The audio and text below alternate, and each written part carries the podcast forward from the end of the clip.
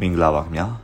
ယခုချိန်ကစပြီးမြန်မာနွေဦးခရိုနီကယ်နိုဝင်ဘာလ10ရက်နေ့တွင်မိုးမခဆောင်ပါကိုတင်ဆက်ပေးမှာဖြစ်ပါတယ်စစ်ကောင်စီရဲ့ကာလုံအစည်းအဝေးနဲ့တိုင်းပြည်အစိတ်စိတ်အမောင်မွာပြိုကွဲနေတဲ့အနေအထားပဲဖြစ်ပါတယ်ခင်ဗျာရှမ်းပြည်နယ်မြောက်ပိုင်းကကိုကန့်ဒေသတရုတ်မြန်မာကုန်သွယ်ရေးလမ်းကြောင်းကဂိတ်တွေစခန်းတွေကိုမြောက်ပိုင်းလမ်းလက်ကင်သုံးပွဲကတိုက်ခိုက်ပြီး12ရက်ခန့်အကြာမှာစစ်ကောင်စီက ကာကွယ်ရေးနဲ့လုံခြုံရေးကောင်စီအစည်းအဝေးကျင်းပပြီးရှမ်းမြောက်ပိုင်းအရေးနဲ့အခြားသောဒေသတွေမှာပါဖြစ်ပွားလာတဲ့လက်နက်ကင်တိုက်ပွဲတွေနဲ့ပတ်သက်လို့နိုဝင်ဘာ10ရက်နေ့မှာကျင်းပတဲ့ကာလုံအစည်းအဝေးမှာဆွေးနွေးခဲ့တယ်လို့သတင်းထုတ်ပြန်လိုက်ပါတယ်။ ရှမ်းမြောက်ဒေသနဲ့ကချင်ပြည်နယ်နဲ့စကိုင်းတိုင်းထိဆက်ရာမြို့စကိုင်းတိုင်းအထက်ပိုင်းနယ်စပ်မြို့တချို့တွေမှာတိုက်ပွဲတွေဖြစ်ပွားနေပြီးစစ်ကောင်စီတပ်တွေစခန်းလက်လွတ်ဆုံးရှုံးတာမြို့နယ်အုပ်ချုပ်မှုနဲ့ထိန်းချုပ်မှုတွေလက်လွတ်ဆုံးရှုံးတာလက်နက်ခဲယမ်းတွေလက်လွတ်ဆုံးရှုံးတာနဲ့စစ်ကောင်စီတပ်သားကနေတမမှုအဆင့်အထိတိတ်ဆုံးကြတဲ့အဖြစ်အပျက်တွေပြီးခဲ့တဲ့12ရက်တာကာလအတွင်းလျင်မြန်စွာဖြစ်ပွားနေတာဖြစ်ပါတယ် စစ်ကောင်စီဘက်ကစီရေးအရာပြန်လည်တုံ့ပြန်မှုတွေကထင်သားသလောက်မြန်ဆန်တာမျိုးမတွေ့ရပဲနိုဝင်ဘာ10ရက်နေ့မှာတော့ကားလုံးအစည်းအဝေးခေါ်ယူခဲ့တာဖြစ်ပါတယ်။အာနာသိန်းစစ်ကောင်စီအနေနဲ့ကားလုံးအစည်းအဝေးတွေကိုအာနာသိန်းပြီးပြီးချင်းရက်မှာနဲ့နောက်6လနဲ့တနစ်တတန်တိုးရမှာသာခေါ်ယူခဲ့တာဖြစ်ပြီးအခုအစည်းအဝေးကစစ်ကောင်စီအနေနဲ့စစ်ရေးအခြေအနေအရ၎င်းတို့အဖို့အရေးပေါ်ဖြစ်တယ်လို့ယူဆတာကြောင့်ခေါ်ယူတာမျိုးဖြစ်ကောင်းဖြစ်နိုင်ပါတယ်။ဒါအပြင် အခြားသောဖြစ်နိုင်ခြေတွေစဉ်းစားကြည့်ရင်မြောက်ပိုင်းလက်နက်ကင်သုံးဘွဲ့ရဲ့စစ်ရေးတိုက်ခိုက်မှုတွေကိုတုံ့ပြန်ရမယ့်စစ်စင်ရေးတွေရဲ့တရားဝင်မှုတနည်းအားဖြင့်ကာလုံရဲ့ဆုံးဖြတ်ချက်အတည်ပြုချက်သဘောမျိုးနဲ့အမှုတွဲထည့်ခြင်းလို့ခေါ်ယူတာလားလို့လည်းအခြားသောမှန်းဆချက်တစ်ခုအနေနဲ့မှတ်ယူနိုင်ပါတယ် စစ်ကောင်စီဘက်ကအာဏာသိမ်းပြီးနောက်နှစ်နှစ်ခွဲကျော်ကာလအတွင်းစစ်ရေးတိုက်ခိုက်မှုတွေနဲ့ဆက်ဆက်လို့တကြိမ်မျှကားလုံးအစည်းအဝေးခေါ်ယူခဲ့တာမတွေ့ရပဲအခုအစည်းအဝေးကပထမဆုံးအကြိမ်ခေါ်ယူတာဖြစ်လို့စစ်ကောင်စီအနေနဲ့စစ်ရေးအရာချင်းချောက်ခံရတဲ့အနေအထားအရေးကြီးတဲ့တိုက်ခိုက်ခံရမှုလို့မှတ်ယူတဲ့အခြေအနေလို့လည်းယူဆနိုင်ပါတယ်စစ်ကောင်စီရဲ့ရုပ်သေးသမရဖြစ်တဲ့ဦးမြင့်ဆွေကအစည်းအဝေးမပြီးဆုံးမီပြောဆိုရမှာ တက်မတော်အနေနဲ့ယခုလိုနေဆက်ဒေတာတောင်းကျမ်းသူအရေးမှာဆွမ်းဆွမ်းတမန်မဆောင်ရွက်ပါက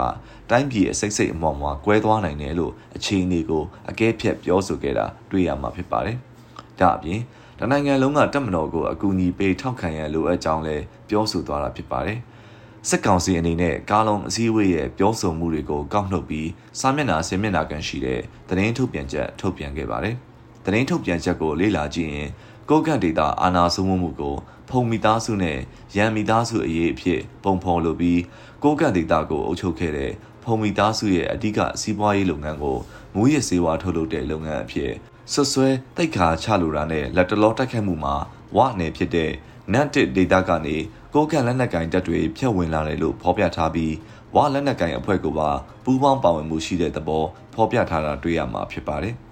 အခုလိုကာလုံအစည်းအဝေးမှာစစ်ကောင်းဆောင်တင်ပြချက်ရဲ့ရည်ရွယ်ချက်ကရှမ်းမြောက်ဒေသမှာလက်နက်ကင်အဖွဲ့သုံးဖွဲ့တိုက်ခိုက်မှုတွေကိုစစ်အာဏာသိမ်းမှုဆန့်ကျင်တဲ့လက်နက်ကင်တော်လှန်မှုတီးခြားဆိုတာမျိုးခွဲထုတ်ခြင်းတဲ့ရည်ရွယ်ချက်ကိုလည်းတွေ့ရမှာဖြစ်ပါတယ်။မြောက်ပိုင်းလက်နက်ကင်သုံးဖွဲ့ရဲ့စစ်စင်ရေးဟာ၎င်းတို့အဖွဲ့တွေအနေနဲ့တီးခြားရည်မှန်းချက်တွေရှိနေမှာတန်တရားဖြစ်စရာမလိုပေမဲ့ဘုံရန်သူဖြစ်တဲ့စစ်ကောင်စီတပ်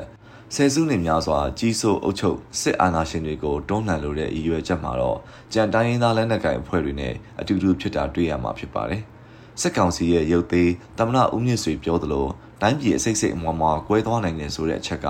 စစ်အာဏာသိမ်းမှုဖြစ်ပြီးနောက်ဥတီနေတဲ့ဖြစ်နိုင်ခြေတစ်ခုလည်းဖြစ်ပါတယ်။တိုင်းရင်းသားဒေသတွေရဲ့ကိုပိုင်ပြထန်းခွင့်ကိုပိုင်အုပ်ချုပ်ခွင့်တွေကိုအတိမမပြုတဲ့စစ်တပ်ရဲ့ရည်တည်ချက်ကြောင့်သာပြည်တော်စုကပြိုကွဲမဲ့စီဥတီနေရလည်းဖြစ်ပါတယ်။ လက်တလောတိုက်ခိုက်မှုတွေနယ်မြေသိမ်းယူမှုတွေထက်မြန်မာနိုင်ငံရေးမှာတိုင်းပြည်အာဏာကိုစစ်တပ်ကတောက်လျှောက်လွှမ်းမိုးချုပ်ကင်လာခြင်းတိုင်းရင်းသားတွေရဲ့ရပိုင်ခွင့်အခွင့်အရေးကိုအတိမတ်မပြုခြင်း Federal စနစ်မဆိုထားနဲ့ Federal ဆိုတဲ့စကားလုံးကိုဆယ်စုနှစ်များစွာသုံးနှုံပြောဆိုခွင့်ပိတ်ပင်ထားခဲ့ခြင်းတွေကပြည်ထောင်စုပြိုကွဲဖို့အကြောင်းရင်းခံတွေဖြစ်ပါတယ်။ KIA ကဒုတိယကောင်းဆောင်ဖြစ်တဲ့ ဗိုလ်ချုပ်ကုံမော်ကတိုင်းရင်းသားတွေအနေနဲ့ Federal နဲ့ပတ်သက်တဲ့လူလာချက်ကဘာဖြစ်တယ်ဆိုတာကို NLD လက်ထက်ကလေးကစစ်တပ်ဘက်ကိုအသိပေးပြောကြားထားပြီး2025ခုနှစ်မတိုင်ခင်အထိတော့ဒီလိုလားချက်အခြေအနေတွေမပြောင်းလဲပေမဲ့2025ခုနှစ်ကျော်လွန်သွားရင်တော့ရည်မှန်းချက်လိုလားချက်တွေပြောင်းလဲသွားမဲ့သဘောမျိုးသတင်းမီဒီယာတစ်ခုနဲ့အင်တာဗျူးမှာမကြခင်ကပြောဆိုသွားတာသတိပြုမိပါတယ်